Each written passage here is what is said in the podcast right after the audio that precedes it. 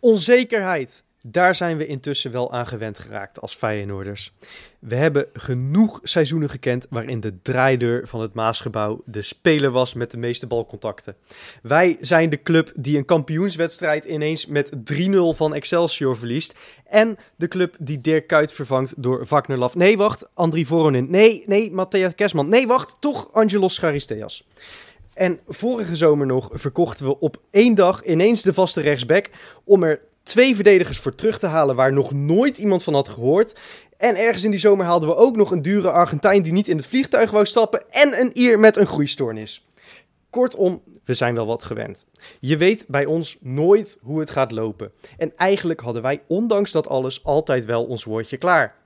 Maar dit jaar, ik heb oprecht geen idee. Wie levert er wat in? Wie vertrekt? Wat gaat een seizoenskaart kosten? Hoe zit het met de punten op mijn uitkaart? Kunnen we volgend seizoen überhaupt naar de Kuip? Ik heb geen idee. In deze tijden denk ik maar terug aan het cassettebandje dat ik ooit van mijn oom kreeg. Toen ik mijn spreekbeurt over Feyenoord wilde houden.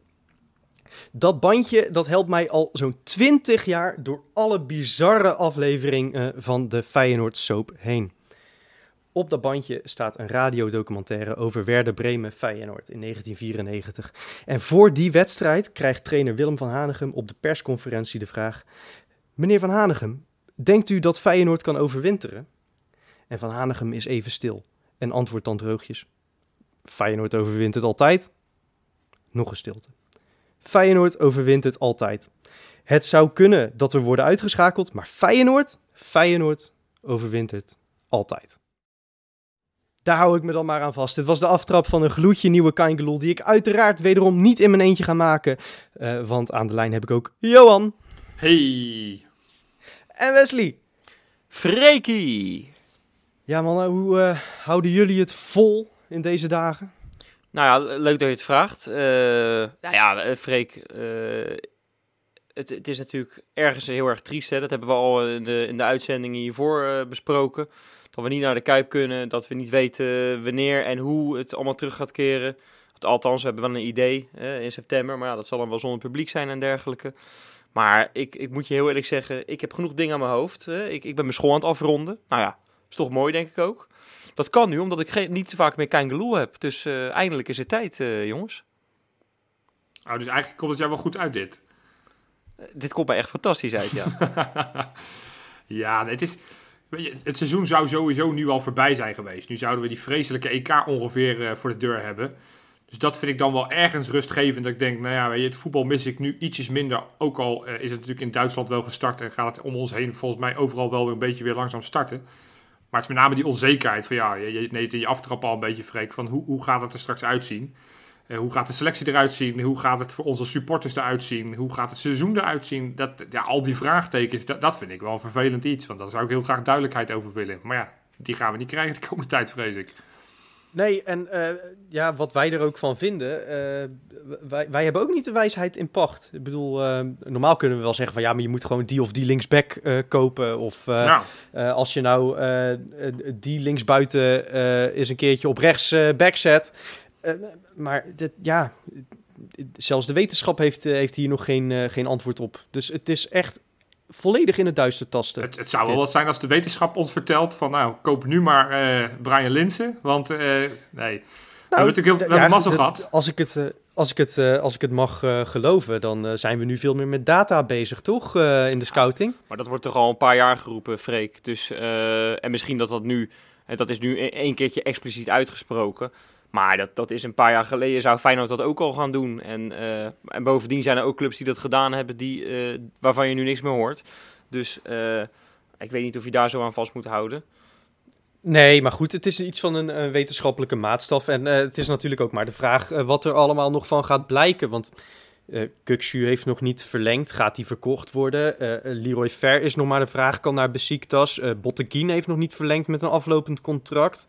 Nou ja, Usjakub, uh, IJ willen we allebei nog een keer huren. Gaat dat lukken? Uh, Linse is al niet gelukt, omdat hij uh, minder zou gaan verdienen dan bij Vitesse. Ja, Johan, het, het, is al niet bepaald goed nieuws wat er over ons heen valt de afgelopen tijd. Nee, maar kijk, aan de andere kant van we weten dat het, het voetbalseizoen in Nederland pas in september gaat beginnen. Natuurlijk zullen we eerder getraind gaan worden en zullen er vast ook wel eerder de, de, de, de, ja, de voorbereiding beginnen. Dus dat er nu eh, eind mei, want daar zitten we inmiddels, dat, het, dat het, het selectie nog niet vast ligt, vind ik niet zo'n ramp hoor. Ik, eh, normaal gesproken eh, gaat het toch ook pas in de zomer, gaat het pas echt los. Natuurlijk zou het wel fijn zijn als je ongeveer een idee hebt van hoe het geraamte van volgend seizoen eruit gaat zien. Uh, maar het hele spel tussen Ver en Botteguin en, en Feyenoord, ja, volgens mij is dat een kwestie van gewoon eventjes wachten. En uiteindelijk gaat dat allemaal wel goed komen. Overigens zei ik de vorige keer in de podcast van... joh, Linse, het is een uh, kwestie van tijd voordat hij gaat tekenen. Nou ja, dit, dus zoveel verstand heb ik er dus ook blijkbaar niet van. je merkt ook om je heen dat, dat Feyenoord is niet de enige club waar dit speelt. Uh, in heel de eredivisie, dat die hele transfercarousel is gewoon nog niet op gang gekomen. En er zijn veel meer clubs uh, waar het allemaal onzeker is. Hè? Zelfs in de hoofdstad, bij onze vrienden, maar ook bij PSV. En ja, bij Feyenoord daar heb je gewoon een hele hoop spelers waarvan het nu onduidelijk is van ja, eh, gaan die een contract krijgen? Gaan die akkoord met een uh, verlaging van het salaris? Want dat zal bij, bij Bottegien, maar ook bij Ver natuurlijk het geval zijn. Hè, uh, ik, ik, ik, ik zou het onwijs jammer vinden als die een van die twee jongens, of misschien allebei, vertrekken. Hè, want het zijn gewoon steunpilaren. Ehm, maar ja, dat is wel ja, er is bij Feyenoord nu ook een, ook een nieuwe, uh, nieuwe tendens. Dat, dat er gewoon wat minder betaald gaat worden. Hè? Dat heeft Frank Arnissen aange, aangekondigd. En dat, dat zal ook voor Bottegien en Ver dus gevolgen hebben. Ja, en als die uh, moeilijk gaan doen, als die meer geld kunnen gaan verdienen. Want Bottegien schijnt naar Italië te kunnen. Uh, Freek, je zei het al eventjes, Ver die kan naar Besiktas. Als, als we de geluiden mogen geloven. Ja, gaan we, dat, gaan we echt serieus ik vind dat elke, elke speler die gelinkt wordt aan een Turkse club, is, is, moeten we gewoon meteen schrappen als gerucht. Want if, als je een voetballer bent en je bent niet gelinkt aan Turkije, ben je geen voetballer. Dus nee, die, dat die, is wel waar. Daar kan jij zelfs nog mee. terecht, uh, Johan. Ik er schijnt ook op voetbalzone een verhaal te staan dat ik gelinkt word ja, aan een club ja, in Turkije. Nou, dus, ik als spoor. Ik heb het wel gelezen. Ja, ja. Ik, ben, ik ben dicht bij een akkoord, maar nee joh. Turkse, Turkse, daar word ik echt helemaal niet warm of koud van. Kuksu zou ook al vier keer getekend hebben bij Besiktas, Fenerbahce en Galatasaray tegelijkertijd. Dus ja, joh, dat, Dat, dat vind ik allemaal niet zo spannend. Maar en, en, en, toch, en toch, ik maak me wel zorgen. Ja? Waarom? Ja, ja uh, nou, je hoopt gewoon dat uh, in zo'n tijd uh, kijk, het is inderdaad wat, wat Wesley zegt, het is voor iedereen onzeker. En ook uh, in Amsterdam, waar ze hele andere salarissen betalen dan bij ons, is, het, is het nog onzeker. Maar PSV heeft intussen wel een akkoord over die salarisverlaging. En zo zijn er wel meer clubs die intussen al gewoon overeenstemming hebben met die spelers. Bij Feyenoord is er nog geen enkele duidelijkheid. Ondertussen zit het stadion in de problemen. wil Feyenoord de stadion huur omlaag krijgen, maar het stadion heeft daar geen geld voor. Nou ja, er zijn zoveel onzekere factoren die spelen. En je hoopt gewoon dat als je ervaren mensen als Arnissen en advocaat aan boord hebt, uh, dat dat een beetje uh, een steun is in deze tijd. Dat dan zo'n ver uh, zegt van joh, Steven Berghuis heeft tegen mij gezegd dat ik moet blijven, dus ik blijf. En dat zo'n Orkun zegt, advocaat heeft bijgetekend, nou dan blijf ik ook. En ik snap wel dat de wereld niet zo werkt. Dat zo'n jongen ook denkt van nou, Frenkie de Jong heeft mij op een lijstje gezet bij Barcelona, als ik het in de krant zo mag lezen. Arsenal zit achter mij aan. Ik snap wel dat het allemaal meespeelt. Maar je hoopt ergens dat, dat juist een club als Feyenoord, waar, waar we nu in ieder geval op het technisch vlak uh, twee mastodonten van het voetbal hebben aangesteld. Dat, het een beetje soepeler gaat dan bij de rest. En zeker als het gaat om spelers als Ver, Ver en Botteguin, die, laten we eerlijk zijn, niet heel veel meer te winnen hebben in hun carrière. Die kunnen hooguit nog een keertje naar Saoedi-Arabië, maar moet je dat nou nog gaan willen in deze periode? Ik ja, denk Freek, dat, dat is de vraag. Zeker hè? Ferdi is teruggekomen uit clubliefde. En ik denk dat zo'n advocaat... Ik maak mezelf zorgen om advocaat. Ik denk dat die best wel chagrijnig wordt hiervan. Die heeft bijgetekend uh, als, als eerste van iedereen. En die krijgt uh, nu achtereenvolgens te horen dat, dat Linsen niet uh, gaat lukken. Uh, Ver wordt al, al een lastig verhaal. Botteguin is nu ineens een lastig verhaal. Kukshu, zijn, zijn lievelingetje, wordt een lastig verhaal. Blijft Berghuis, als, het, uh, als, als Kukshu, Ver en Botteguin vertrekken, ja, blijft Berghuis dan ook? Het, het, het, kan een domino verhaal worden, hè? Ja, het kan. Het kan. Maar het, weet je, uiteindelijk is van... Want West begon net een heel verhaal over... Ja, in de Eredivisie gebeurt op dit moment überhaupt weinig. Nou, daar moeten we niet naar gaan kijken. Wij moeten natuurlijk naar de bovenkant van de voedselketen kijken. Op het moment dat Arsenal daadwerkelijk 25 miljoen over heeft voor Kukju ja, dan ineens kunnen we vier spelers halen. Uh, en, en, dan ineens is Linse, die denkt dan misschien, hé, hey, dan kan er eens wat meer salaris mogelijk. En, en dan kan Veerman gehaald worden. En tot, tot die tijd, maar iedereen zit naar elkaar te kijken. Iedereen zit te wachten tot München zijn eerste euro's uitgeeft en dat Madrid zijn eerste euro's Ja, maar uitgeeft. dat, dat is, dan pas dat is het toch, bij Want je zegt, we moeten naar de, naar de bovenkant van de voedselketen kijken. Maar ook die is nog niet op gang gekomen, hè? Ja. Dus het is, het is daarom. gewoon echt, daarom maak ik me geen zorgen. tot het spel eh, op de wagen is. En dat, dat, dat, dat zal echt wel de komende weken gaan gebeuren, denk ik. Want ja, het klopt, we zitten nog ver van, eh, van september vandaan. En eh, in Duitsland en ook in Engeland en Spanje, waar het voetbal weer op gang gaat komen. als je al die verhalen mag geloven. Ja, dat duurt ook nog wel even voordat dat klaar is. Dus daar wachten ze allemaal tot het seizoen echt helemaal afgerond is. Ehm, maar ja, het, het, het, zal, het zal nog even duren en dan gaat het allemaal eh, los, denk ik. Maar het zal ook anders zijn dan, dan andere jaren. Als je, als je zo een beetje leest eh, dat er veel minder geld eh, in omgaat zometeen in die hele gekke ja, wereld waar af en toe bedragen voorbij komen van meer dan 100 miljoen voor een speler en dergelijke. Dat, dat soort dingen, dat valt bijna niet meer uit te leggen tegenwoordig. Een club als Barcelona kan ja, kan aan de spelers gaan vragen, joh, eh, verleng, eh, verlaag even je salaris. Maar die kunnen vervolgens dus niet een speler voor 100 plus miljoen kopen. Dat kan gewoon niet meer. Dus waarschijnlijk, ja, nou ja, Nou, le- eh, let maar ja, op, het zou, gaat gewoon in- gebeuren. In theorie kan het allemaal, maar het, is, het, is, het, het klopt gewoon niet dan. En ik denk dat je dat wel terug gaat zien. en daar zal Feyenoord ook mee te maken gaan krijgen. Die, kijk, Kukçu kon eerst voor 25 miljoen naar Arsenal. Eh, als je de verhalen mocht geloven. Nou, ik vraag me nu, nee, maar ik vraag Ja, me nu echt precies. oprecht af of zo'n club eh, als Arsenal denkt, nou, moeten we dat, nou, moeten we dat wel willen? Hè, die, konden, die konden uitgeven wat ze willen, joh, dat Ja. Arsenal. Maar, maar nu in deze tijd waarin alles onzeker is, gaan zij ook voor veel meer zekerheid. En dan gaan ze niet zomaar met 25 miljoen eh, over, de, gaan ze over de balk gooien. Nee, en, en zeker niet met de speler die het pas één seizoen of anderhalf seizoen heeft laten zien in de eredivisie, denk ik. Maar goed, dat is inderdaad allemaal speculatie. Waar, waar, waar ik me vooral zorgen om maak, is het feit dat, dat we eigenlijk... Nou, we gingen best een rustige zomer tegemoet. We gingen een beetje doorselecteren, maar het geraamte staat er al. Hè? Eh, we hebben een paar jonge gasten aangetrokken. Uh, bijvoorbeeld, Johnston, die nog in de schaduw zit, Senesi. Ehm, dus eigenlijk was het de bedoeling, nou, de advocaat bleef, dat we één of twee gerichte versterkingen gingen halen. En eventueel dat bijvoorbeeld een berghuis zou vertrekken, konden we dat opvangen. Het wordt nu een totaal ander soort zomer, waarin je niet weet met wat voor portemonnee uh, Arnesen uh, moet gaan shoppen. Uh, we hebben Arnesen nu, ja, wat is het, twee maanden aan het werk gezien, zeg maar, in totaal, qua, qua transferzomer. Ja. Hè? Of uh, hoe heet het, transferwinter dan in, in zijn geval. Ja, hij heeft wel een paar gokjes uh, genomen met Bozeniek en de verkoop van Larsson. Dat is nu goed uitgepakt, mede dankzij de coronacrisis. Maar ja, we zullen moeten afwachten hoe hij dit gaat managen. En uh, dat, er is geen enkele technisch directeur die hierin een goed cv heeft. Want uh, dit is natuurlijk gewoon een situatie die nog nooit is voorgekomen. Um, maar ja, ik vind het wel spannend. Het, het, het, is sowieso spannend. En we weten niet hoe we hieruit gaan komen. En het is gewoon afwachten. Uh, maar, maar wat ik zeg, van, we moeten niet, want ik zie mensen heel ongeduldig uh, allemaal reacties op R12 plaatsen. Van, waarom, waarom wordt er niemand aangekondigd? Ja, dat vind ik niet zo gek. Volgens mij moeten we daar gewoon wel eventjes wachten. En ik denk, kijk, op het moment dat we straks begin augustus zitten en we zitten nog steeds met, ja, Ver is nog niet rond, uh, Berghuis is nog niet rond, Kukcu twijfelt nog. Ja, dan is het een ander verhaal. Maar vooralsnog is het echt zo vroeg nog in het seizoen. Technisch gezien is het het vorige seizoen net afgelopen. Uh, zouden we nu een EK voor de deur hebben staan waarin de spelers nou, ineens zich kunnen profileren, waardoor hè, misschien in zichzelf in, in, de, in de zou kunnen spelen? Uh, als het dan maart of april wordt en het seizoen nadert zijn einde, dan zie je altijd dat spelers hun contract wel verlengen hè, op een gegeven moment. Dat, dat, dat, die berichten komen dan. Ik vind het nu wel heel erg stil blijven.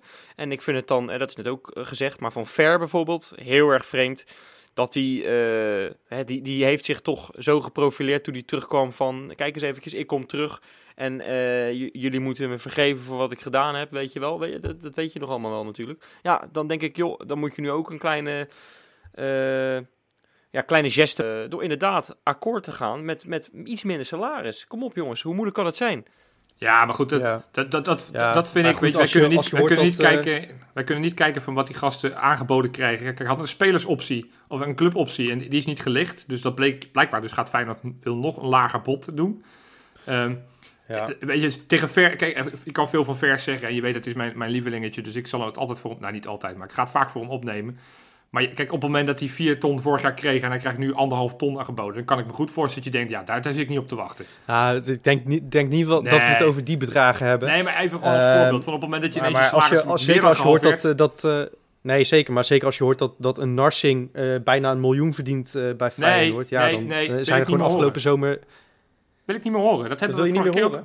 Nou ja, Ja. elke keer, dat hebben we het vorige keer ook over gehad. Van elke keer dat wijzen, ja, Kelly verdient 6 ton, Ja, Marcin maar verdient Johan- een miljoen. Ja, dat is destijds was dat, eh, eh, vonden ze dat bij Feyenoord in dit geval. Ja, maar dat was, dat was vorige zomer ook al niet de norm hoor, Ze- eh, een miljoen voor Narsing. Ja, maar het zit. Feyenoord nu, het zit Feyenoord nu gruwelijk in de weg. Het zit Feyenoord nu gruwelijk in de weg, want eh Linse heeft die verhalen dus ook gelezen. En die komt om die reden niet. Omdat hij dus minder aangeboden krijgt dan dat Kelly aangeboden kreeg. En, en ik, nee, maar ik begrijp, ik, ik las de column van Willem van. Hanegem eh, Ja, in het AD prima dan. vanochtend. Weet je, prima. En ik begreep hem wel. Eh, wat, wat Willem van Hanegem, die was het met, wel met Linse eens. Die, die, vond, eh, ja, die begreep dat ook wel. En ik, en ik begrijp het ook wel. Ik vind het heel jammer. Hè, want ik, ik, ben, ik ben al twee jaar ben ik die Linse proberen naar de Kuip aan het lokken.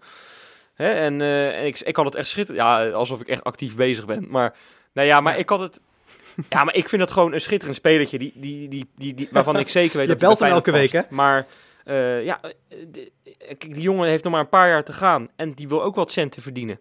Ja, dan snap ik dat, dat als Feyenoord met een veel te laag salaris komt.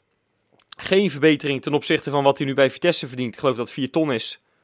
Dan, dan gaat dan, nou ja, Ja. maar dan snap ik. Nou ja, ja, Prima. Lekker naar de zandbak. Ga je lekker voor, eh, voor geen publiek spelen.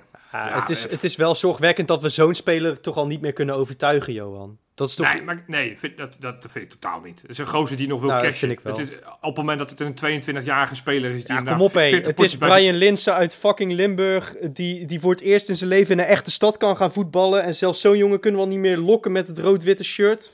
Nee, als Dat wij moeten gewoon- gaan concurreren met Dubai, nou ja, dan, dan, dan gaan we dat niet winnen. En, en, en, als, en als het daar alleen maar om geld gaat, en, en het, het is echt niet zo dat het alleen maar om geld gaat, begrijp ik bij hem. Maar eh, ja, we, moeten toch niet ons gek laten maken door het feit dat hij Nou ja, in, als in wij Dubai minder bieden dan wat kan Vitesse verdienen. me heeft geboden, Johan, dan, dan Dat maak is- ik me wel een beetje zorgen. Als dat zo is. Dat, is wat zijn- Linsen zegt. Ja, precies. Dat maar is dat wat zijn- Linsen zegt.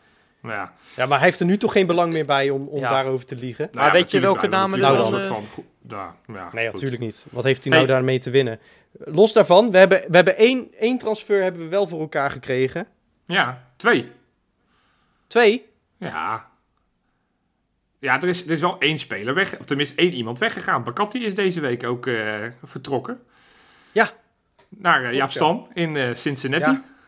Ja, ik vind het wel zonde, zonde. Zonde dat Stam in Cincinnati heeft getekend.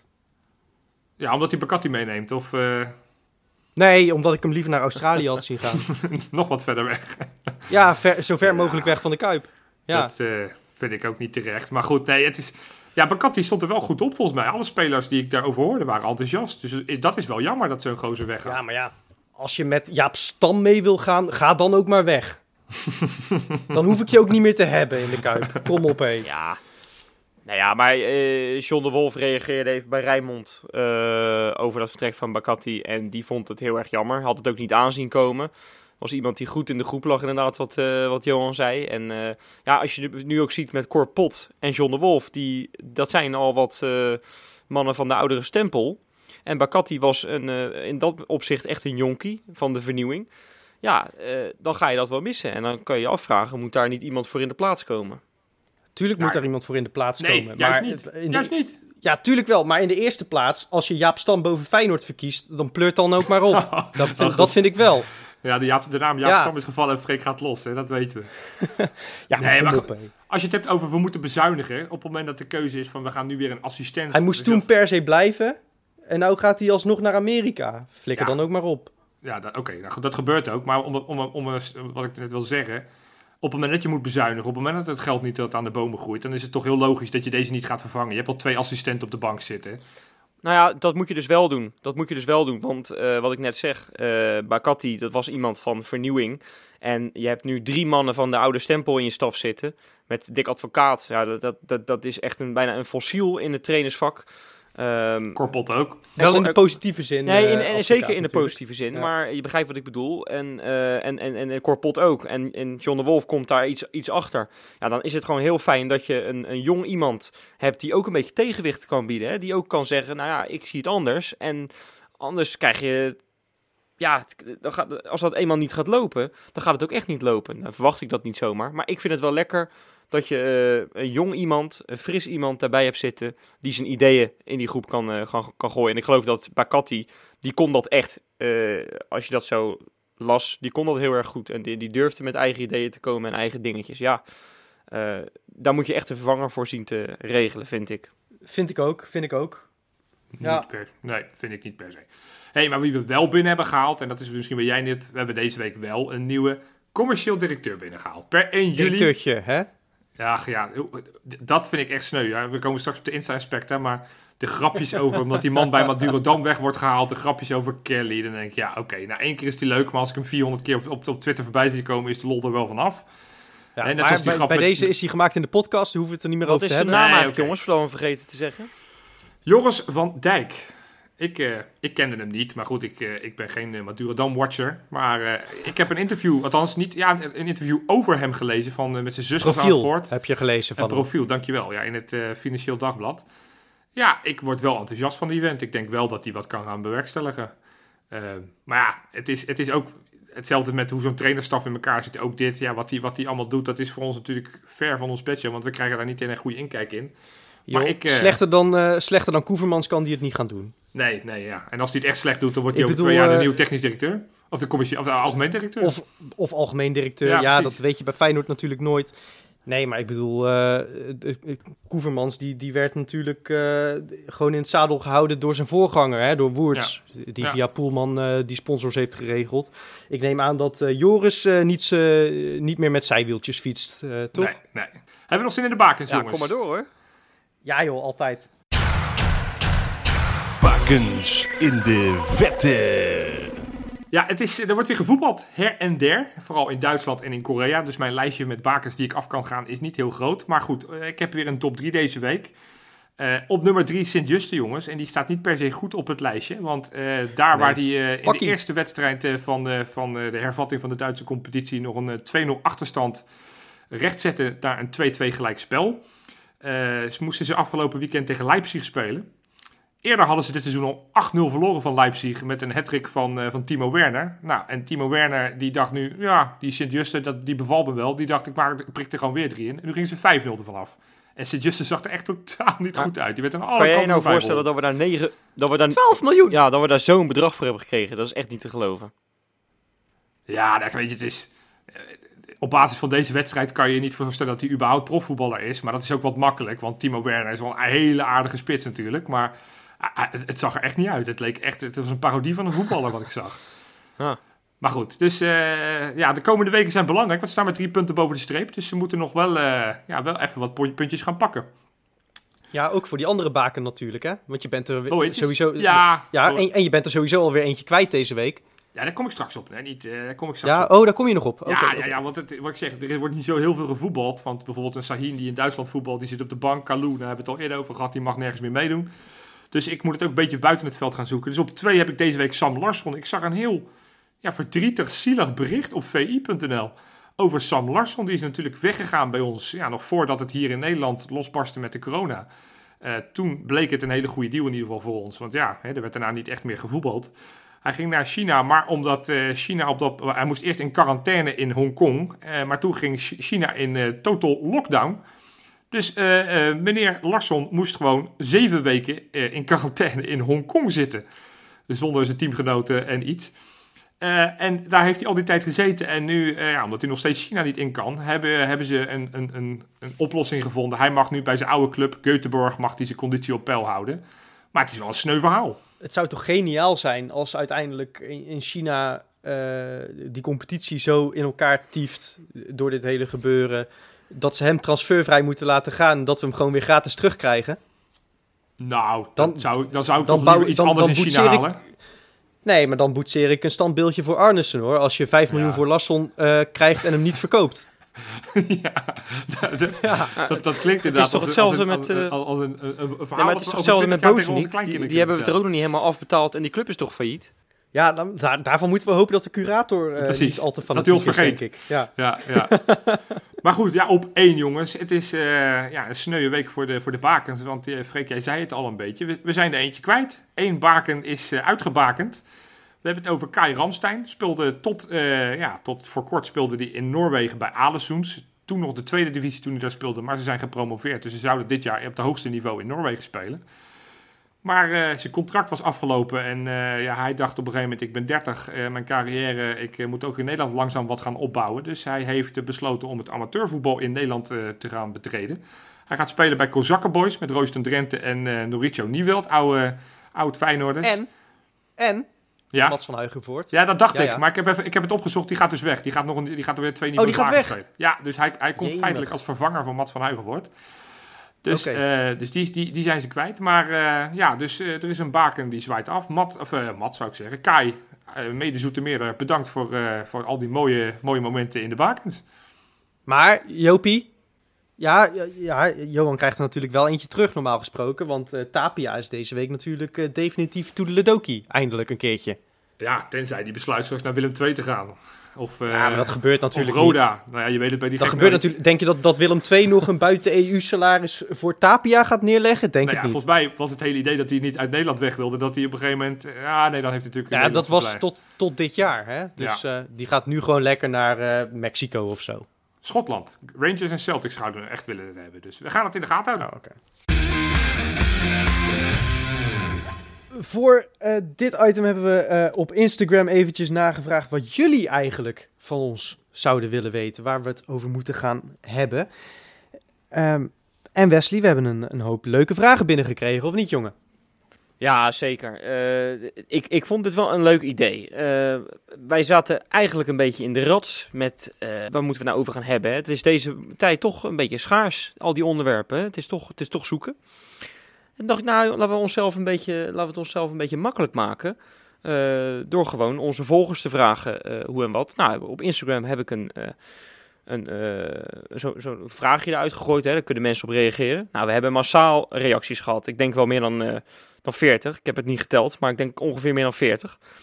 Ehm, en we hebben de drie leukste hebben we eruit gepikt. Ik moet wel zeggen, er gingen heel veel vragen over eh, mogelijke transfers. Van wie moeten we halen? Eh, en wat vinden we ervan dat, eh, dat de contractonderhandelingen van Ver en Botterien zo langzaam gaan? Nou, ga zo maar door. Ehm, nou, die slaan we een keertje over. Want ja, we hebben het al de afgelopen weken al een keertje over transfers gehad. En dat zullen we de komende weken echt nog wel een keertje gaan doen. verwacht ik. Ehm, maar zal ik gewoon maar een, een eerste vraag erin gooien? Gooi er eens één in, Wes. Nou, dan ga ik met een hele leuke beginnen. Ik vond het echt een hele leuke vraag. Ehm, ja, dan zie ik zijn naam niet. Het is echt heel leuk. Johan, jij hebt zijn naam, Ik geloof heb- ik, hè? Ja, Ja, Ja. eh, wat was jullie favoriete wedstrijd van afgelopen seizoen? gesteld door Roelof FR12. Mooi. Ja, vind ik een leuke vraag. En, en Freek, eh, jij mag eigenlijk wel beginnen. Vind ik, eh, Ja. jij kan dat goed. Ik heb er lang over nagedacht en ik heb er eigenlijk twee. Oké, Mag dat? Mag dat? Mm. Voor, de, voor, voor deze ene keer. we zullen niet Eentje, heel streng eh, waar ik, eh, eentje, eentje waar ik zelf bij was en eentje die ik op tv heb gezien. Nou, ga ervoor.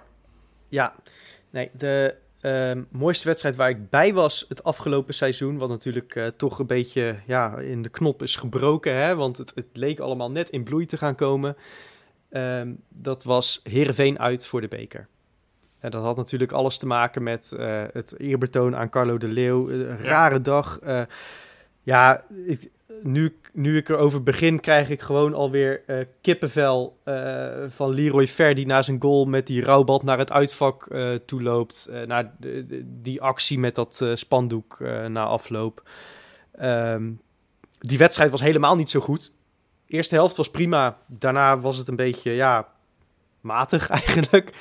Maar de hele sfeer rondom die wedstrijd en de winst en het feit dat je naar de finale kon, dat... eh, ja, dat, eh, dat was wel... eh, Mooi. was ja. wel, ja, dat was gewoon mooi. Dat was een, een mooie, mooie uittrip.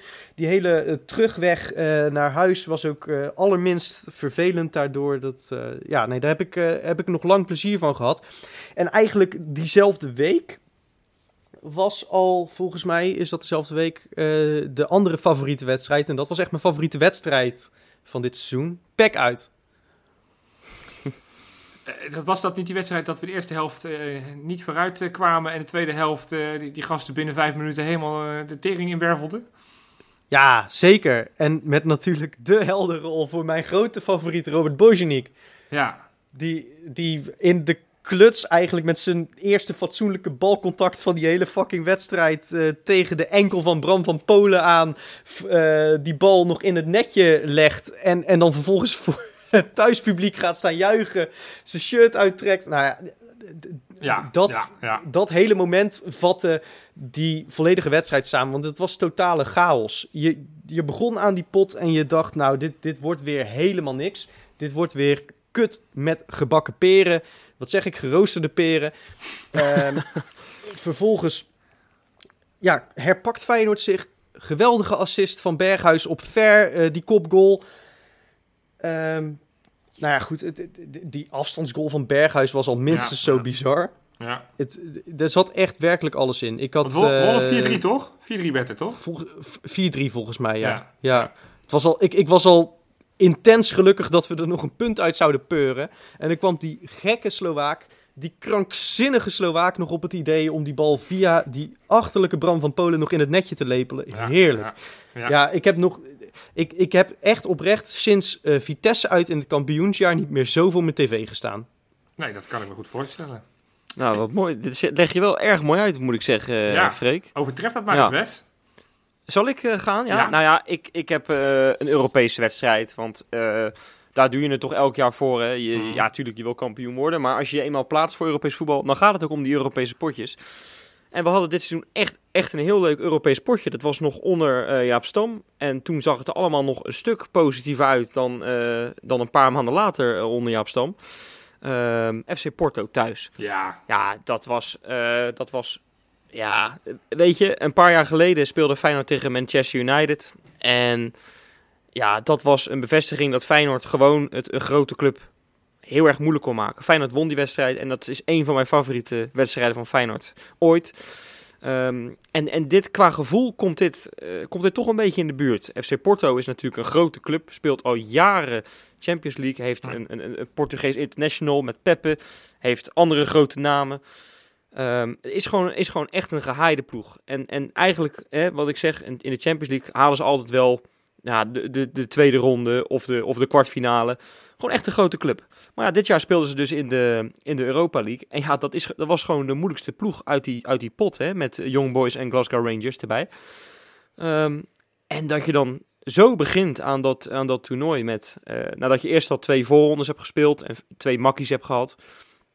Dan, eh, dan is dit gewoon een hele moeilijke pot. En je verwacht er niet zo heel veel van. En dan kom je op 1-0 door een, een geweldige goal van, eh, van Jens Toornstra. Ja, eh, wie anders hè, dan Jens Ja. Toornstra. Die, die scoort wel vaker in een belangrijke, een belangrijke goals in Europese wedstrijden. En toen Ja, stijf en- en rechts Ricky. Ja, Stijf ja, rechts Ricky. Dat klinkt als een, eh, als een eh, western film. eh, Ja, maar ik zag, die, ik zag van de week die goal weer voorbij komen. Hij, hij- vanaf de middenlijn ongeveer is die, heeft hij die bal aan zijn voet. En hij doet er echt werkelijk alles aan om zijn linkerbeen te vermijden. Hij, hij loopt echt volledig om zijn linkerbeen heen om uiteindelijk die bal steeds met rechts mee te nemen.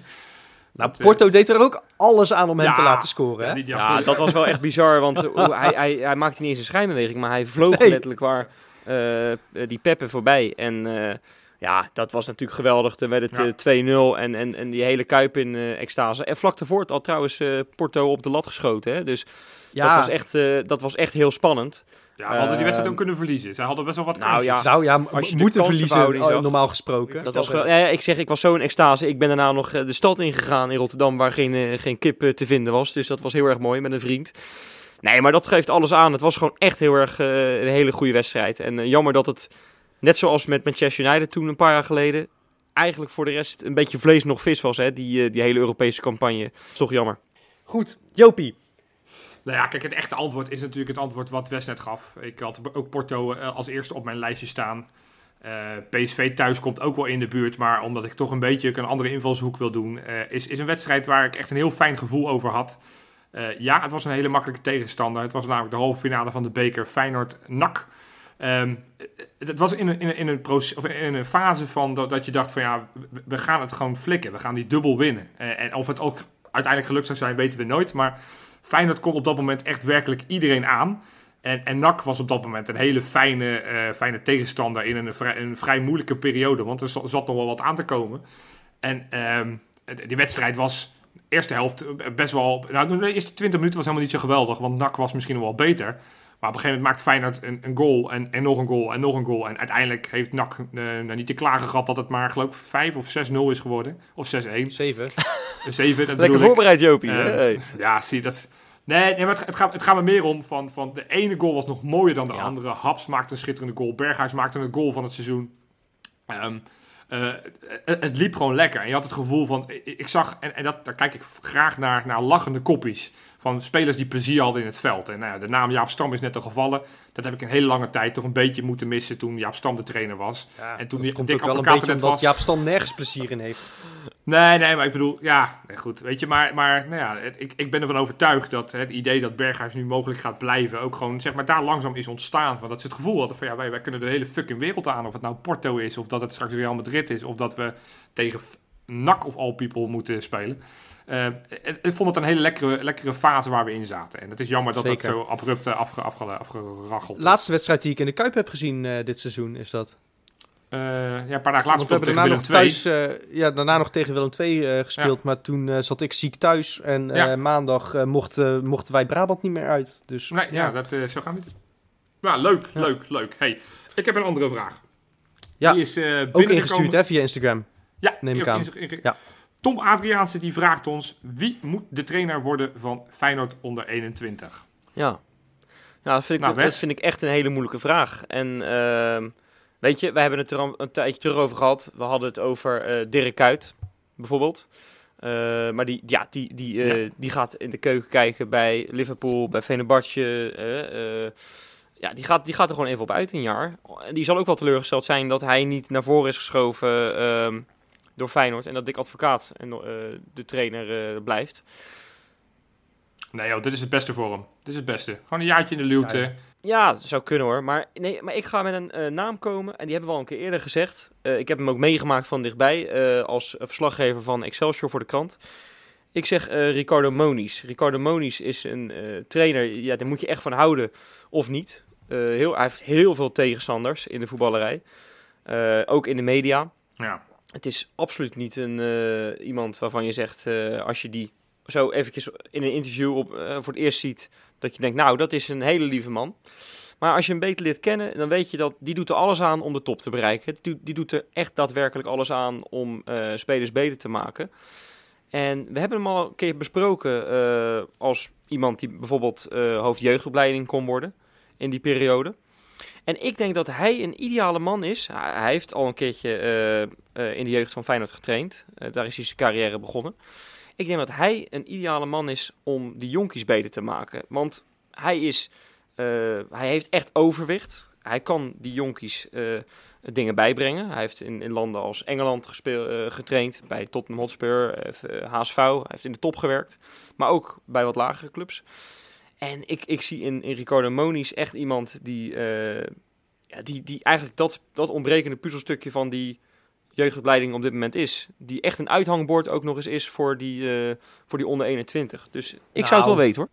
Nou, uithangbord, eh, daar zijn de meningen over verdeeld volgens Ja. mij. Nou ja, Dat, dat, zeg ik, dat zeg ik net ook. Je moet echt, je houdt van hem of je haat hem. Maar, eh, maar als het aan mij ligt, ik zou, ik zou hem echt daar neerzetten. Eh, maar Ja. al is het echt alleen maar al voor die kwaliteit hè, eh, die hij heeft om spelers beter te maken.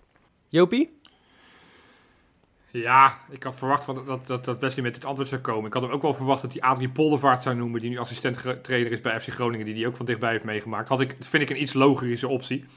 Maar ja, de optie die ik ga noemen is geen logische optie, want die heeft Feyenoord een paar maanden geleden ontslagen. Maar dat, dat zou nu echt een perfecte trainer geweest zijn. Danny Landzaat. Oh ja. Heeft bij AZ eh, het jong elftal getraind. Is in nou ja, het profiel wat we net beschreven bij de assistent-trainer bij het eerste. ehm, zou hij volgens mij ondervatten. Bij, bij AZ waren ze laaiend enthousiast over hem.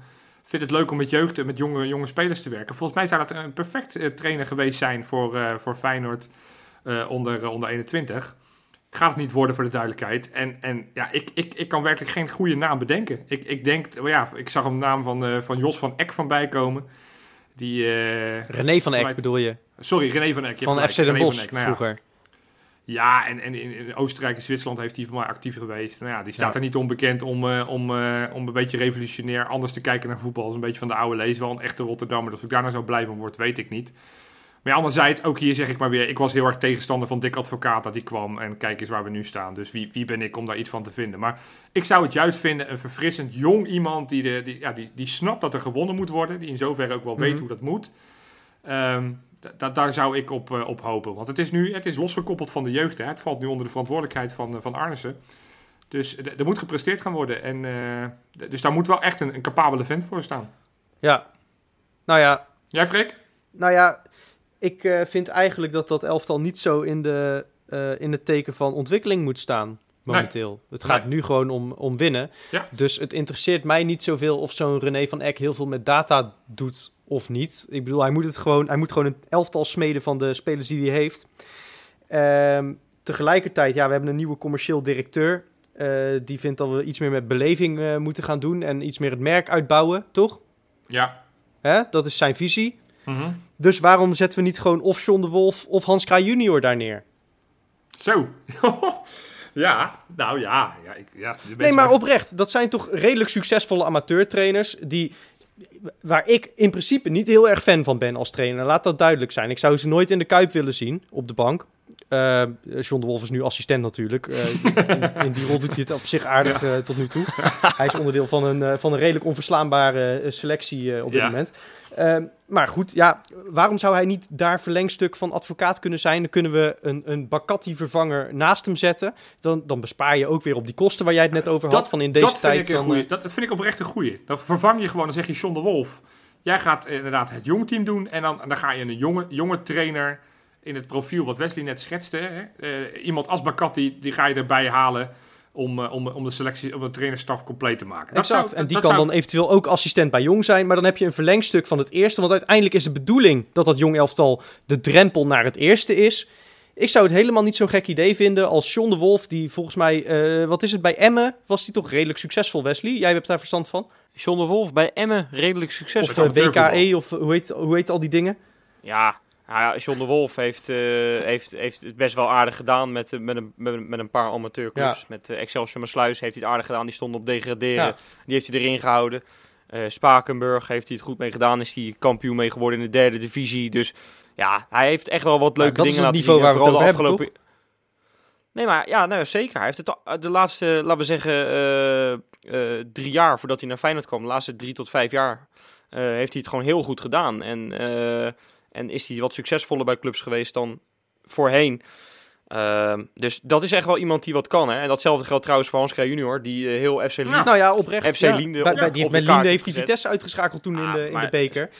Eh, ja, tuurlijk. en, en je weet gewoon dat je, dat je de tv-rechten van die beloftecompetitie ook eh, voor tien keer de prijs kunt gaan verkopen. En dat komt dan door Feyenoord. Dus dan mogen wij 90% van die rechten op gaan strijken bij Fox. Ik, eh, ik vind Kijk, Hans Kraaij een hele, hele vette. Ja. Dankjewel, Freek. Nou, dan hebben we, nog, hebben we nog één mooie vraag over. Die is gesteld door Patrick Vriezen, ook weer via Instagram. Hoe hopen jullie dat het tenue eruit komt te zien? ja, dit vind ik, Ik wil gewoon weer rood-wit. Rood-wit, ja, daar ben ik ook voorstander van. Ja. Maar goed, ik denk dat hij doelt op het uittenue. Oh, Nou, ik denk, ik denk een beetje alles, eh, alles, in, eh, alles toch. Eh, want ook, ook het nu wordt wel eens ingevarieerd. Tuurlijk, de kleuren blijven, het- blijven hetzelfde. Maar soms zit er een zwart randje aan. En soms zit er een kraagje bij. En soms niet. Ja, kijk. ik, vind, ik vond het, het, shirt van dit seizoen, het thuisshirt, echt heel erg mooi. Ik echt, daar, kan ik echt, daar kijk ik graag naar. Hè. Een paar jaar geleden hadden we dat, kampioens, dat kampioensshirt. Dat jaar van het kampioenschap had Feyenoord ook echt een mooi shirt. Is ook verkozen tot, geloof ik, een van de mooiste shirts ooit van, eh, van Feyenoord. Maar eh, dat geloof ik allemaal wel, dat dat, dat dat goed komt. Het gaat mij echt om het uitshirt, inderdaad. En eh, ja, weet je, ik hoop, en maar dat is echt een beetje een cliché... wat door heel veel supporters wordt gebruikt... maar dat er de elementen van de stad in terugkomen. Dus dan heb ik het over groen en wit... En eh, wat, ja, volgens mij vind jij het echt een afschuwelijk shirt, eh, Johan. Maar ik vind het echt bizar mooi. Het shirt van, ik geloof dat het 2002, 2003 was. Ja, eh, of een seizoen later. ja. Eh, ik moet het goed zeggen, maar een beetje rond die tijd. Toen had Feyenoord een shirt eh, wat aan de ene kant groen was en aan de andere kant wit. Eigenlijk het, het thuisshirt, maar dan met groen. ja. Ja, dat vond ik echt, echt mooi. Dat vond ik echt Ja. stijve kokenwerk. ja, ik vond het een van de lelijkste Ja. die we gehad hebben. Dus ja, ik, ik sla deze vraag met alle liefde over. Want alles wat ik mooi vind, vindt de rest van Nederland vreselijk en andersom. Dus ik, nee, maar ik- daarom ik- is het juist interessant als jij wel een antwoord geeft, eh, Johan. Ja, nee, ik Dan hou wel we van- daar weer een beetje om uitlachen. Ik hou van die eh, opvallende, eh, frisse kleuren. Dus groen vind ik... Ik weet dat het de kleur van de stad van Rotterdam is, maar ik vind groen geen mooie kleur. Dus ik hou wel van, ja, doe lekker fel geel of doe heel licht blauw of doe oranje. Eh, dat- dat, zijn kleuren die ik wel vet vind. Ik, het Nou, mooiste dat is wel, wel handig. Dat is wel handig, want dan houdt iedereen anderhalve meter afstand als je allemaal van die eh fluorescerende Nou ja, kleuren gaat gebruiken. precies. Ja. Dat is, eh, ja, nou ja, nee, dus ik, ik, voor mij hoeft het geen niet groen te zijn. Ik, ik vind de, de laatste twee uittenues vind ik heel erg mooi, die blauwerige. Dus voor mij mag het ook gewoon in het blauw blijven, maar ik, voor mij hoeft het niet zo in het groen. Ik vind alle groene tenues die we hebben, eh, vind ik in, het verleden niet zo heel mooi geweest. Dus, Nou, en daar ben ik het dus niet mee eens. Ja. Eh, want in het seizoen 2013-2014 hadden we een schitterend eh, groen-wit tenue. Hè? Bijna helemaal groen met witte mouwtjes. Waarin eh Janmaat die volley scoorde uit bij PSV. eh, Johan, even voor jou. dat, eh, dat, want- dat, dat, wat, mattere groen was dat. Dat was niet dat felle. Juist. Ja. Nou, en dat zou nu een perfect moment zijn om eh, dat shirt weer terug te brengen. Waarom? Omdat we ook dat motiefje hadden in het jaar dat we de Europa Cup 1 wonnen. Dus dan kan dat mooi een eerbetoontje zijn aan die halve eeuw Europa Cup 1 die we dit jaar hebben gevierd. Ehm, gewoon een groen shirt met witte mouwtjes en geef het een mooi strak klassiek design. Ik vrees dat we er toch een hoop sponsors op moeten zetten, omdat eh, we nu eenmaal wat afhankelijker van tv-rechten zullen zijn de komende tijd. Eh, maar hou dat zo subtiel mogelijk. Eh, maar dat zou ik ve- vet vinden. Dan toch nog weer een korte vooruitblik op eh, volgend seizoen. Want intussen zijn de competities in onder andere Duitsland eh, alweer gestart. En daar zien we creatieve oplossingen om het gemis van publiek op te vangen. En toen vroegen wij ons af: wat zou nou eigenlijk het beste vervangingsmiddel zijn? Het surrogaat-legioen. Als we straks niet naar het stadion mogen, maar onze club al wel weer speelt. En Johan, Jij bent onze eh, belevingsexpert. Hè? jij, jij hebt het altijd over eh, eh, commerciële ideetjes en lichtshows hier en daar. Dus jij hebt hier ook vast een creatief idee over. Nou ja, creatief eh, eh, niet per se. Ik zag een, een bericht vlak voordat wij gingen opnemen. Dat ze, nou ja, dinsdagavond, wij nemen dit op maandagavond op, maar dinsdagavond is de topper in Duitsland tussen, eh, tussen Dortmund en München. En daar gaan ze op, eh, als ze het uitzenden, gaan ze eh, stadiongeluiden op het, bij de zender gaan ze, gaan ze erbij doen. Hoe ze het precies gaan doen was me niet geheel duidelijk. Ik, ik heb ook een artikel vandaag gelezen waarin eh, nou, al ver geavanceerde techniek al zover is dat mensen straks in hun huiskamer geluid kunnen maken en dat dat uiteindelijk straks eh, in het stadion hoorbaar is. Zodat op het moment dat er een kans wordt gemist, dat de mensen op het veld, dus de spelers, het gevoel hebben van nee, het wordt echt beleefd zoals het in het stadion Johan, is. ik zie het ineens Ik- voor me gewoon dat er een vertraging van vijf seconden op zit. Dat zou toch, dat zou toch gewoon legendarisch zijn. Ja, maar dan, dan krijg je het gevoel van die oude, oude FIFA-spelletjes, weet je wel? Dat je een bal naschiet en dan je een kwartier later hoort oeh. Ja, ja. Nee, dus Ja. Het is hoe, hoe- hoe ze dat gaan doen, dat, daar ben ik best nieuwsgierig naar. Maar we hebben in de vorige podcast al wel geconcludeerd van een club als Feyenoord gaat wel last hebben van, eh, van spelen zonder publiek. We zijn natuurlijk wel echt een club waarin eh, ja, toch vaak punten thuis worden gehouden door, door het publiek en, en ons, ons toegewijde eh supporterscharen. Als dat helemaal wegvalt, op het moment dat we straks spelen in die lege kuip, dan heeft Feyenoord niet misschien die 10 echt 10% extra die het normaal gesproken wel heeft. die wij toch soms nodig hebben om uiteindelijk een wedstrijd over de streep te trekken. Want Weet we- je, Ja, ik, ik sta er eigenlijk eh, heel anders in dan je misschien van me zou verwachten. ja, jij voelt hem. Maar eh, ja, ik heb ineens eh, het idee. Nou ja, dat heb ik eigenlijk. ik- Kijk, laat ik vooropstellen. Al die alternatieven die nu worden genoemd. Hè, ik bedoel, ik zag dat ze in Korea zelfs sekspoppen op de tribune Ja, zetten. ja. Nou, dat vind ik een beetje overdreven. Ehm, maar, maar wat jij nu zegt met een soort van FIFA-achtig geluid in het stadion. Of, of dat je op tv kunt kijken met, met een soort van nepgeluid. Ehm, nou, daar moet ik niet aan denken, eerlijk gezegd. Dat lijkt me echt werkelijk waar verschrikkelijk. Dat, dat, dat is zo, staat zo ver af van hoe ik het, eh, het voetbal beleef. Ja. Ehm, dat, dat, dat lijkt me werkelijk waar gewoon hyperkut. Ehm ik ben eigenlijk, nu je dit zo verwoordt, hè, van wij zijn die club die dat publiek zo hard nodig heeft en zo. En dat is een, een, een, een bijna cliché waar we allemaal heel graag in meegaan. Omdat we natuurlijk, ja, we- weet je, wij zijn dat legioen en dat straalt ook heel veel kracht uit. Maar ik ben nu eigenlijk wel eens benieuwd hoe Feyenoord zich staande houdt als dat gewoon totaal wegvalt. En dan niet omdat we een of andere straf hebben opgelopen, waardoor we zonder publiek moeten spelen, wat de afgelopen jaren heel af en toe wel eens is gebeurd. Ehm, maar gewoon als je al die factoren elimineert en je zet ons op een bijveldje tegen Ajax of PSV wat, of AZ, wat er dan gebeurt. Want Nou, ik- ik ben daar doodsbang zeker voor. tegen een ploeg als zeker tegen een ploeg als AZ, wij hebben op, op normaal gesproken elf posities betere spelers. Daar ben ik het niet helemaal mee eens. Precies zo. In het verleden was dat wel zo. Of dat nu nog zo is, weet ik niet. Maar ik ben daar doodsbang voor. Ja, goed. Het is een Ik ben- beetje, ik ben beetje do- overdreven natuurlijk. Ik ben maar doodsbang nee, voor dat... oprecht, ik, ik, ik, eh, ik, ik denk dat, het, dat de Kuip... Hoe, hoe vaak hebben we niet spelers weg kunnen gooien in principe? Gewoon voor een fractie van hun marktwaarde moeten verkopen omdat ze Kuipvrees hadden. Dat elimineer je dan ook, hè? Dat, dan blijkt zo'n Tapia ineens wel te Nee, kunnen maar het klopt spelen. wat je zegt, want eh, denk maar aan die, aan die potjes die wij wel eens in januari spelen op zo'n winters trainingskamp in Marbella. En dan komt, eh, laatst nog, tegen Hoffenheim, best wel een aardig clubje, Hoffenheim.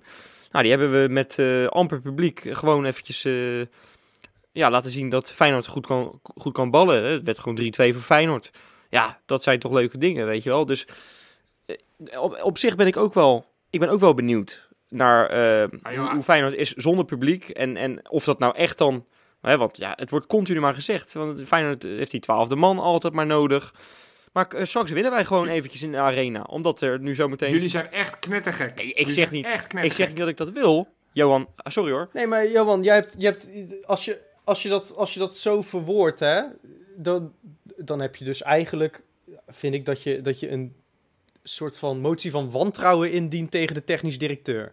Als Nee. onze spelers niet kunnen winnen zonder de Kuip, Nee, dan, dan, dan doet hij zijn werk niet. Want we hebben de derde begroting van Nederland. Kom op, hé. Nee, nou goed, oké, maar ik wil meer dan die derde plek. Want als, als, als we derde worden, ja goed, dan hebben we gewoon een seizoen waar, wat, wat voor, naar verwachting is misschien. Ik, ik vergelijk ons dan even met misschien de, de, de, de club die we het meest moeten nastreven op dit moment. PSV. Dat is de, de, de club, als we echt zeg maar omhoog willen, moeten we eerst PSV voorbij om uiteindelijk Ajax te pakken. Ja, de Wees- groeten, die stonden twee plekken onder ons. Eentje, eh, op dit moment. Maar in de basis, Oh ja. als je gewoon de afgelopen tien jaar bekijkt, is PSV steeds hoger geëindigd dan wij. Daar kunnen we wat van vinden, is gewoon helaas een, een feit. En PSV heeft eigenlijk bijna elk jaar, omdat ze ook een hoger spelersbudget hebben, meer transfermogelijkheden, heeft misschien, als je het heel sec bekijkt, altijd een betere selectie. Beter elftal, betere spelers. En toch winnen ze nooit En die in de spelen Kuip. zonder publiek. Ja, maar toch verliezen ze Maar die spelen hun thuiswedstrijden zonder publiek. Tenminste, er zitten wel mensen, maar die doen niks. maar- maar dat... Ik, ik vind dus dat kan voor ons ook werken. Nou, wij winnen daar ook af en toe. Eh, maar, maar als het om die thuiswedstrijden, in mijn gevoel, en dat is echt niet altijd zo, wij winnen bijna altijd van PSV. En ik heb het gevoel dat het. Al, hij pakt dan in het kampioensjaar, en natuurlijk hadden we toen nog alles mee. Weet je, zo'n wedstrijd win je echt doordat het publiek erachter gaat staan. En een soort van nog even laatste push. Feyenoord wint van Porto door het publiek. Daar ben ik echt van overtuigd. Ja, dat vertellen wij onszelf heel erg graag. Nee, ik, ik ben er Maar echt van overtuigd. Ik, ik- ben er echt van overtuigd. Want Nou waarom, ja, winnen, waarom winnen we dan niet bij Sparta de- uit? En waarom winnen we dan niet bij, bij weet ik veel, eh Heracles uit? Nou ja, nee, maar haal daar het publiek eens weg dan. Haal bij Sparta het publiek dan eens weg. Haal het, haal het kasteel helemaal leeg. En laat dan Feyenoord op een bijveldje tegen Sparta spelen. Verliezen we dan nog op het kasteel? Ik denk het niet. Ik, ik denk echt, eh, die, dat, dat gevoel dat het legioen de doorslag geeft, dat vertellen we onszelf heel graag. En, en dat zal in sommige wedstrijden, is dat ook echt wel het geval. Napoli thuis, Manchester United thuis, absoluut. Dat, dat helpt, allemaal mee. Spelers zeggen dat ook niet voor niks. Hè? Dat de Kuip kan dansen en dat dat extra kracht geeft. Maar als die factor bij alle ploegen wegvalt, zowel bij de tegenstander als of, zowel bij de uit- als bij de thuisploeg, ben ik benieuwd. Dan zou normaal gesproken de beste ploeg, eh, nou ja, niet altijd moeten winnen, Ja, maar in het, nou ja. in het grootste gedeelte van de gevallen. En Dus, dus is er een gro- grotere dat, dat zijn wij dat- vaak. Nou ja, ja, zeg maar tegen nummers... eh, Waarom verliezen wij altijd van die promovendi? Omdat het... Daar laten wij het liggen, hè? Niet in die toppers tegen Ajax en tegen PSV en tegen AZ. Wij laten Omdat het altijd liggen tegen die ploegen als hebben tegen. Feyenoord het idee dat er wat te halen valt. En tegen Ajax en PSV, dan, dan zij, staan ze al 10 meter verder naar achter. En, eh, en dan gebeurt het vanzelf, gaat het vanzelf mis voor die clubs. Dat is een beetje, bij Feyenoord hebben ze het idee dat er meer te halen valt. Dat is toch al jaren zo. Ja, maar zet Ajax eens in een, in een eh, nou ja, ik wou zeggen in een lege arena, maar zet ze eens op het veldje van, eh van Barendrecht neer. Ja. Dan, dan Ja, wordt het toch ook een dat weet totaal ik niet. ander Dat zou, team. dat zou zomaar Als je kunnen. die factor gewoon bij iedereen elimineert. Ik ben heel benieuwd hoe dat gaat uitpakken. En ik, ik heb er niet bij voorbaat een idee dat dat in ons nadeel uitpakt. Het zou kunnen dat we dan, dat we dan Nou, inderdaad gewoon eh, gaan merken dat Arnissen inderdaad de derde begroting van Nederland heeft en dat we derde worden. Maar als we dit seizoen derde waren geworden, dan hadden we het toch prima gedaan. Zeker. Maar mag ik mijn idee nog eventjes eh, Nou erin gooien, jongens, of niet? Zeker. Tuurlijk. Nou, ik heb, Zeker. ik heb een heel apart idee. Ik, ik zag dit ja, ergens in Duitsland, geloof ik. En ik geloof dat ook ADO het eh, wil doen. Maar de mensen naar de parkeerplaats met de auto's. En eh, we hebben best wel een groot eh, voorplein. We hebben ook best wel een groot plein aan de achterkant van het stadion. Zet daar twee grote schermen neer. Ehm, die, die verbinding moet echt perfect zijn. Hè? Dus er mag echt geen vertraging in zitten. En laten we een nieuw fenomeen starten. De toeterhooligans. Ja, jongens, dat is hem. Dat, dat, dat, moet, dat moet blijven, hè? Dan, En ja, dan Uzi Cup Ja, ook en- weer en terugkomen. Uzi dus Jacob ook. Onze, onze Turken inderdaad. Die werd zo gepresenteerd, toch? Met de toeter. Ja, klopt ja. Ja. Klopt, ja. Nou, maar ja, dat, zou natuurlijk, dat zou natuurlijk legendarisch zijn. En eh, dan kan je toch echt nog wel wat mensen kwijt. Op je, en, die kunnen dan die, en dan heb je toch nog een beetje, ja, een beetje beleving. Ehm, en, en ja, dan, dan zingen we dit keer niet. Maar dan toeteren we Feyenoord naar de overwinning. Ja, ik weet, het is even anders. Maar het is allemaal anders. Maar eh, ook hiermee ga je echt een, eh, een twaalfde man eh, creëren. Want ik weet zeker dat die tegenstander gewoon bang wordt van al die toeters die continu afgaan. toeter. Ik denk trouwens ook dat het wel een effect kan hebben op onze spelers. Want die zullen ook wel denken Ja. van, nou, Als ik hou dan nou toch eens je toeter. Als ik, als ik dan toch eh, daar een beetje op mag inspelen. eh, kijk, het, het lijkt mij logisch dat we een hele tijd nog niet naar het stadion mogen zoals we dat gewend zijn. Hè? Dat, dat wij elkaar nog niet in de armen gaan vliegen na de vijfde goal van Bozeniek in de thuiswedstrijd tegen Ajax. Dat gaat gewoon de komende paar maanden niet gebeuren. Misschien in het volgende seizoen wel weer een keer als hij er zes scoort. Ja. Maar ehm, wat ik wel ga missen, eh, dat mis ik ook voor de duidelijkheid, is die PMDS. Terwijl de terrassen natuurlijk vanaf volgende week gewoon weer open mogen. Dus als we nou gewoon ehm Varkenoord of 1908, zoals dat... Nee, Varkenoord is dat, hè? Het nieuwe Varkenoord, Ja, ja. zoals dat Ja. tegenwoordig heet. Wel opengooien. Daar inderdaad gewoon die tafeltjes, een paar staantafels, anderhalve meter afstand, et cetera, et cetera. Gewoon eh, lekker je afvliegend dubbel eh, die je daar van de tap kunt krijgen tegenwoordig op je tafeltje geserveerd krijgt. En een groot scherm daar op het veld. Dat lijkt me ook een prima idee. Als je dan toch die toeterhooligans hebt, dat je dan ook daar nog even terecht En dan kunt. dat geluid wat je opneemt op Varkenoord projecteren of, of eh, uit, uitlaten in de Kuip. Dan heb je, heb je een beetje... Nou, dan combineren we alles bij elkaar, Nou ja, jongens. Maar je kunt vanaf Varkenoord kun je ook vuurpijlen afschieten, hè? Dat kan zeker, ja. Ja, ja. Dat kan Ja. allemaal. Dan zijn we er toch. Ja, Dan zijn ja. we er toch. Hebben wij gewoon Maar hier het ik- masterplan bedacht waardoor Feyenoord gewoon volgend jaar kampioen wordt? Wij hebben het masterplan bedacht. Ja, Michael van Praag is met pensioen, dus dit kan gewoon. de commercieel opgelost. directeur kan afgebeld worden. Wij- gaan het gewoon doen. Ja. Hupsee. Nou ja, volgens mij heb ik tot nu toe eh commerciële gedacht dan ooit. Ja, dat gaat heel goed. Ja. Deze maar jongens, dit is één, dit Ja, is dat- één ja. al positiviteit. Zal ik proberen de boel, Ja. ja. het is bijna niet te doen, nog positiever te maken met een Insta-inspector? Oh, heerlijk.